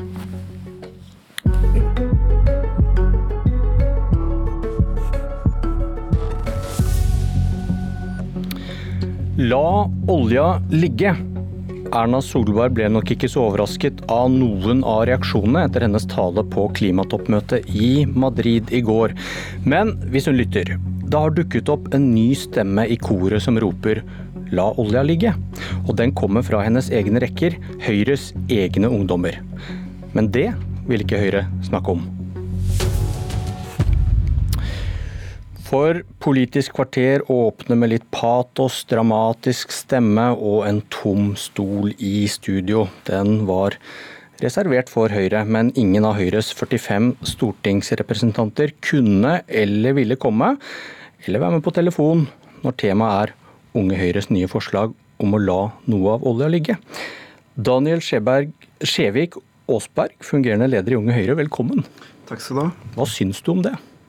Jeg syns jo det er litt uh, leit, fordi eh, det er jo viktig at vi i Høyre diskuterer disse problemstillingene offentlig når vi gjør det internt. Og jeg mener at denne debatten illustrerer veldig tydelig dilemmaene som er i norsk eh, klima- og oljepolitikk, nemlig at vi må ha en sammenheng mellom oljepolitikken, å, uh, mellom oljepolitikken og klimapolitikken for å nå klimamålene våre. Hvorfor tror du Høyre sier nei til å møte deg? Eh, dette er jo en veldig vanskelig debatt eh, som, eh, som, går i regjeringen. Jeg tror sikkert det kan ha påvirket det, men jeg får tro det på ordet og ta det på ordet når de sier at uh, ikke, ikke, har tid eller muligheten til å komme. Ja, og så fikk jeg beskjed om at noen også ikke ville. Men til, til saken. Du, sitat. Argumentet om at norsk olje og gass er renere enn annen olje og gass, holder ikke. Det er forbrenningen av olja og gassen som er det vesentlige.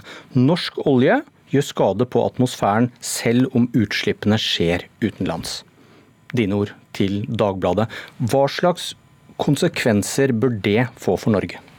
Jeg mener at når vi vet at uh, vi har en uh, klimarapport fra FNs klimapanel som sier at vi trenger at 70-85% av verdens energi må være fra fornybare kilder i 2050, så betyr det at vi må la noe av den olje og gassen som vi har funnet, ligge.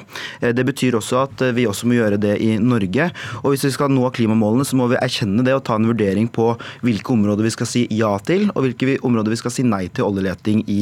Og vi vil verne Barentshavet nord fordi politikk politikken vår må henge sammen med klima- og miljømålene våre. Det gjør den ikke i dag. Og jeg mener at det beste stedet vi kan starte med å si nei til oljeleting, er i det nordlige Barentshavet. Og litt av grunnen til det er flere ting. For det første så mener jeg det er et unikt, helt ekstremt verdifullt og sårbart område som er helt avgjørende for hele livet i Arktis. For fisken, for sjøfugl, for hval og sel og for isbjørn. Miljørisikoen er rett og slett for stor. For det andre så er det at kostnadene ved å lete etter olje vil være helt enorme i dette området. og det vil sannsynligvis sannsynligvis heller ikke gi masse lokale arbeidsplasser. Og For det tredje så mener jeg at det er ikke mer tid igjen. Eh, prosjektene vil sannsynligvis ikke kunne starte opp før i 2030 hvis vi åpner opp Barentshavet nord, altså om 20 år, eh, til Norge og Europa skal være klimanøytrale. Så det henger ikke sammen. Dette er da olje og gass vi ikke har funnet ennå. Og så tar jeg med et sitat til fra Unge Høyres vedtak. Det er allerede funnet mer fossil energi enn verden kan forbruke dersom vi skal nå målet i Parisavtalen. Og hva slags konsekvenser bør det få for Norge og for olje og gassen vi allerede har funnet? Ja, Det betyr jo at vi i, i, noen grad må la noe av den olja som vi har funnet, ligge. Vi har sagt at vi må starte et sted. Vi har sagt, sagt at vi skal starte med Barentshavet nord. og Så utelukker ikke jeg at det er flere oljefelt som kommer til å bli liggende urørt, men det er en vurdering som vi må ta etter hvert. For å uh, være helt ærlig på oljepolitikken nå, så er det jo sånn at vi i det hele tatt må diskutere om det er noen, olje, noen havområder vi i det hele tatt skal verne. fordi det som er diskusjonen i oljepolitikken nå, er jo at vi fortsetter å åpne stadig nye havområder, stadig nye oljefelt. Og det er ikke bærekraftig på sikt i et klimaperspektiv. Men hvis verden har funnet mer enn klimaet tåler, hva bør skje med oljen vi akkurat nå har begynt å pumme opp fra det store Johan Sverdrup-feltet f.eks.? Ja. Det er også et veldig godt spørsmål. og Derfor mener Unge Høyre at man fra nå av må klimateste alle nye oljeprosjekter opp mot Parisavtalen, opp mot klimamålene våre. Vi mener at det er helt avgjørende for at vi ikke skal sitte igjen med masse olje og gass som ikke er lønnsomme å produsere, som går utover klimamålene våre. Det er et veldig viktig tiltak. Og så utelukker ikke jeg at det finnes oljefelt som vi eh, kan måtte stenge ned som følge av at vi skal nå klimamålene våre, eller at de er ulønnsomme. Men det er en debatt som er litt lenger fram i tid. Men hvorfor det, når du sier at norsk olje og gass er ikke renere enn annen olje og gass? Den er like fæl når den brukes, om det er her eller i et annet land. Og det er funnet for mye, noe må ligge. Eh, hvorfor skal vi fortsette å ta på olje da, i det hele tatt? Vi vet at vi kommer til å trenge olje og gass i flere år fremover. fordi vi har, ikke, vi har ikke all den energien som trengs for at verden skal gå over til 100 fornybar i dag. Det anerkjenner jo også FNs eh, klimapanel. og I deres energimiks og deres forslag til energimiks så er det ganske uh, mye olje og gass i, i årene fremover som kommer. Men så er det også en veldig fort Eh, en veldig rask avløsning over til fornybar. Og jeg mener at Det vi, vi kan gjøre nå, som er på en måte det mest eh, hensiktsmessige, er å bygge ut mer fornybar energi. Bygge ut havvind, bygge ut eh, vindkraft på land. Sørge for at vi kan eksportere det til utlandet og kutte utslipp i stedet for å gjøre det med norsk gass. Kan vi i det hele tatt lete etter mer olje og gass med deres utgangspunkt? Altså, igjen så mener jeg at uh, Oljepolitikken i Norge er der at vi diskuterer om vi i det hele tatt er noen havområder som vi skal verne, noen havområder vi skal la ligge urørt. Uh, det er der politikken er i dag og diskusjonen er. Men ser, ser du at det kan virke inkonsekvent når du sier at vi har funnet for mye, eh, for mye olje og gass, noe må bli liggende, og norsk olje og gass er like fæl som annen olje? Og så sitter du og lurer på om vi skal lete etter mer. Henger det sammen? Eh, ja, det henger sammen. fordi vi, Sammenhengen dette, på dette politikkfeltet er at vi kommer til å trenge mer olje og gass fordi eh, skal, det er feltene som allerede er i produksjon, kommer til å fases ut ganske raskt. og Bare for å opprettholde takten på norsk oljeproduksjon, så trenger man å lete mer. Men så er spørsmålet hvor skal vi gjøre det? Eh, så må det få en klimakonsekvens i tillegg til det. det den grensen har ikke Unge Høyre diskutert, men det er også en debatt som kommer, kommer til å måtte ta stilling til jo nærmere vi kommer da datoen hvor eh, verden skal være klimanøytral. Norsk gass bidrar til reduksjon av globale utslipp gjennom erstatning av kullkraft. Hva tenker du om den påstanden? Jeg tenker at eh, det utgangspunktet er en påstand som er riktig, men så er jo spørsmålet igjen om det er det vi vil at det skal være på sikt. ikke sant? Jeg tenker at eh, norsk gass akkurat nå er en midlertidig løsning for å kutte verdens eh, utslipp, men på sikt så skal man jo over til fornybar energi. og jeg tenker at Det viktigste Norge kan gjøre nå, er å produsere mer fornybar energi som vi kan eksportere, istedenfor å eksportere gass. Det er en mye mer langsiktig løsning, og kommer også til å være lønnsomt fordi vi vet at fornybar energi nå er konkurransedyktig med fossil energi. Du, Hva slags reaksjoner har du fått fra folk i Høyre, de som ikke ville komme hit i dag? Ja, altså Jeg har fått både positive og negative tilbakemeldinger. og Det er ingen tvil om at det er delte meninger om dette forslaget i Høyre. Dette er jo også kjernen av klimapolitikken. Hvordan er det vi kan sikre nok energi til stadig flere mennesker, og samtidig løse klimakrisa. Så jeg tror at eh, det blir en veldig interessant debatt også i Høyre framover. Andreas Brennstrøm, første nestleder i Fremskrittspartiets Ungdom, velkommen. Takk. Hva syns du om Unge Høyres nye politikk? For det første så må jeg jo si at Unge Høyre må gjerne foreslå og diskutere hva de vil. Eh, det jeg syns er urovekkende, er at det er krefter i Høyre som begynner å vakle i støtten til Norges desidert viktigste næring. Altså Én av fem skattekroner kommer fra oljenæringa. Og vi ser også at de sysselsetter 225 000 mennesker, og det bidrar til å redusere utslippene i Europa. Venstresiden og Arbeiderpartiet de har vingla lenge. Nå ser det ut til at Høyre er i ferd med å gi etter. Det syns jeg er uh, utrolig synd, og det viser jo at Fremskrittspartiet er det partiet som aller tydeligst står ved oljearbeidernes side i denne saken. Og Det jeg syns også er litt urovekkende, er at uh, man ser at Unge Høyre er i ferd med å gå vekk fra den ellers særdeles pragmatiske politikken de har ført i veldig mange tiår, hvor de fører en politikk som er basert på fakta og ikke følelser. Og Der har jo Frp og Høyre stått eh, side om side veldig lenge. og det jeg håper at vi fremdeles kommer til å gjøre i, det, i uh, tida som kommer. Men hva var feil med de resonnementene han hadde her i starten? Altså, uh, for det første så mener jeg at man må basere politikken på fakta og ikke på følelser. Og så sliter jeg litt med å forstå hva Unge Høyre egentlig ønsker å oppnå. Det er jo liksom litt uklokt å diskutere hvordan man skal gjøre politikken dårligere. altså Det har man sett venstresiden gjøre, det hva, hva pleier ikke Høyre gjøre. Hva mente du nå? Altså, man skal se på forslag om å eh, ha en eh, fast eh, iskantsone, om man skal verne områder, om man eh, ønsker å eh, stramme inn på oljepolitikken, rett og slett. Da. Og Hvis man ønsker å sikre velferdsstatens bærekraft, så mener jeg at man er ute å kjøre. Hvis man ønsker å støtte oljearbeideren, så mener jeg at man er ute å kjøre. Og hvis man ønsker å kutte i utslipp, så mener jeg også at man er ute å kjøre. Men, men, dette er jo ikke riktig, fordi det vi forsøker å gjøre er å skape en sammenheng mellom oljepolitikken og klimapolitikken. og Det du egentlig sier nå er at vi skal bare la humla suse. og Det er jo ikke en løsning for norsk klimapolitikk eller for norsk oljepolitikk. og eh, FPU så har man jo vedtatt at man skal gi sin uforbeholdne støtte til norsk olje- og gassnæring. og Det skal ikke finnes noen begrensninger for mennesker i miljøsakens navn. Det er liksom det som er FPU sin klimapolitikk. og Derfor er det så heller ingen grenser for hva oljenæringa eh, kan få lov til å gjøre og ikke. og Vi vet at for å nå målene i Parisavtalen, så vet vi at ca. to tredjedeler av verdens olje- og gassressurser må ligge. Da mener jeg at det er forutsigbart for oljenæringa å ta den debatten nå. Hvilke felter er det vi skal åpne, og hvilke er det vi skal la ligge?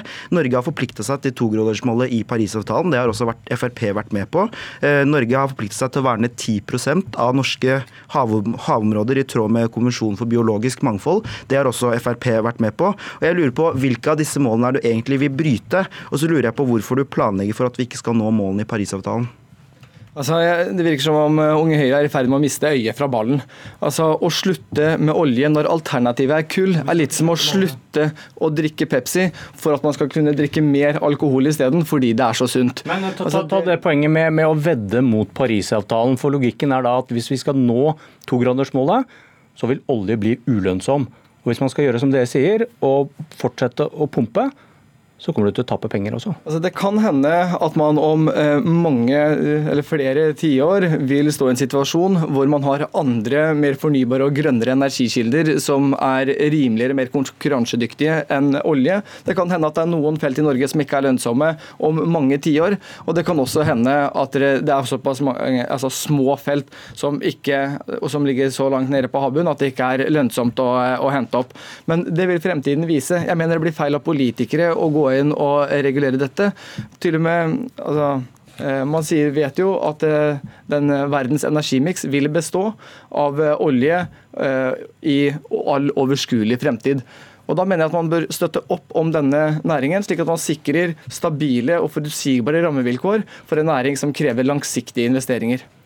Men, men, igjen, dette er jo ikke riktig, fordi poenget her er at vi vet at vi må la noe olje og gassen ligge. Hvis vi brenner av all olje og gassen som vi har, som vi har funnet, som vi, har, som vi kan lete etter, som er tilgjengelig, så vet vi at vi når ikke Parisavtalemålene. Det, det, er ikke en beslutning som jeg er beredt til å ta, det er ikke en beslutning som regjeringen er beredt til å ta.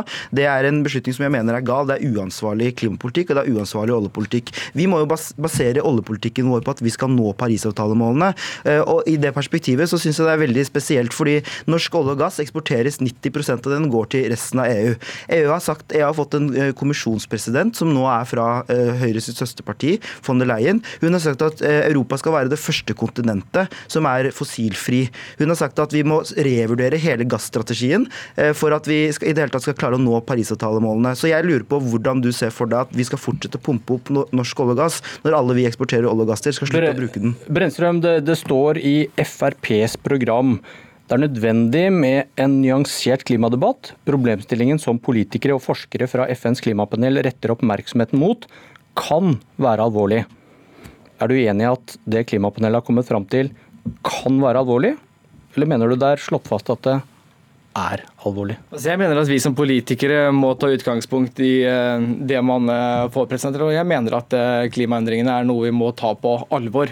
Er det alvorlig, eller kan det være alvorlig? Og så vil jeg jo si at jeg syns FrPs politikk har vært eh, veldig god. Og den eh, måten de har påvirka regjeringen til å liksom bruke mer gulrot og ikke pisk. Det skal lønne seg å velge miljøvennlig. Man skal ikke straffe vanlige folk å leve sin hverdag. Man skal ikke påføre dem skam eller økte skatter.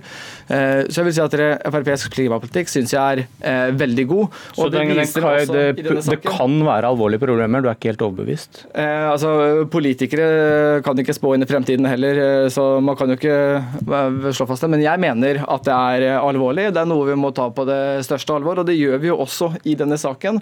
Fordi hvis Norge slutter å produsere olje og gass, så vil olje, klimagassutslippene i Europa øke med 300 millioner tonn CO2. Det er seks ganger mer Norges utslipp. Så det smarteste vi kan gjøre, det er å fortsette å tilby eh, ren eh, energi til eh, Europa, og olje er renere enn alternativet. Skjevik Aasberg, du har 20 sekunder. Hva tror du om framtidig samarbeid med Frp? Jeg tror vi skal klare å finne gode løsninger på dette, men jeg vil jo si at vi er nødt til å spå inn i framtiden for å sikre oljeproduksjon, fordi oljepolitikken vår er så langsiktig. Den kommer til å vare i 40-50-60 år og få konsekvenser så langt inn i framtida. Da må vi spå inn i framtida. Jeg tror ikke på en framtid som har masse olje og gass. Det tror ikke FNs klimapanel heller, heller på, hvis vi skal nå klimamålene. Og det mener jeg at vi må innrette politikken vår etter. Takk for debatten. Dette var Et politisk kvarter. Jeg heter Bjørn Myklebust.